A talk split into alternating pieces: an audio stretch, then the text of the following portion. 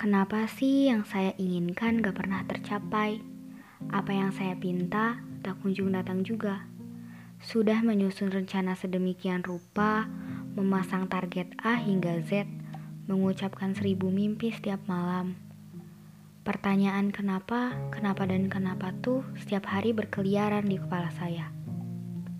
Saya sudah berjuang, saya sudah berusaha, saya sudah berdoa, saya sudah melakukan apa pun untuk mencapai itu semua.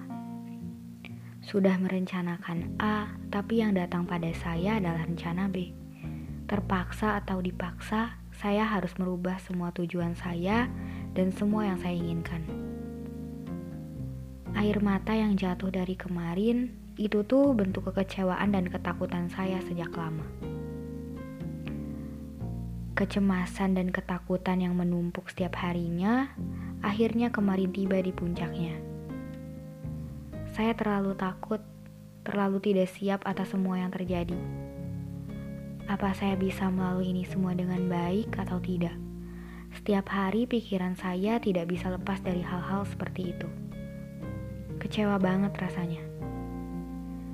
Terkadang pertanyaan yang ditanyakan dua kali bikin kita tuh bingung banget ya. Udah yakin sama jawaban sendiri, tapi ketika ditanya lagi, malah tambah bingung dan gak yakin sama jawaban sendiri. Intinya, jangan terlalu keras tentang hidup dan diri kamu. Jadi ingat, kemarin saya sempat baca quotes yang bikin saya tertampar banget. Gini nih isinya. Biar Tuhan aja yang mengatur semua. Kemarin saya coba atur sendiri, berantakan semua. Saya langsung tertampar banget sehabis baca quotes ini.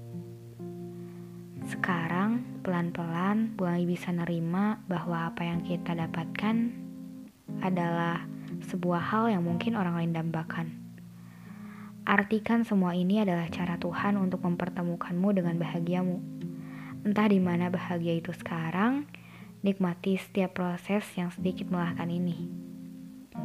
Sekarang tinggal bagaimana cara mengubah pikiran menjadi tindakan yang nyata. Biar gak sia-sia, tapi walaupun gak bisa tercapai, jangan kecewa. Karena yang terbaik terkadang harus direlakan dan yang kita relakan pasti akan digantikan dengan yang jauh lebih baik. Biarkan semua ini berjalan sesuai alurnya.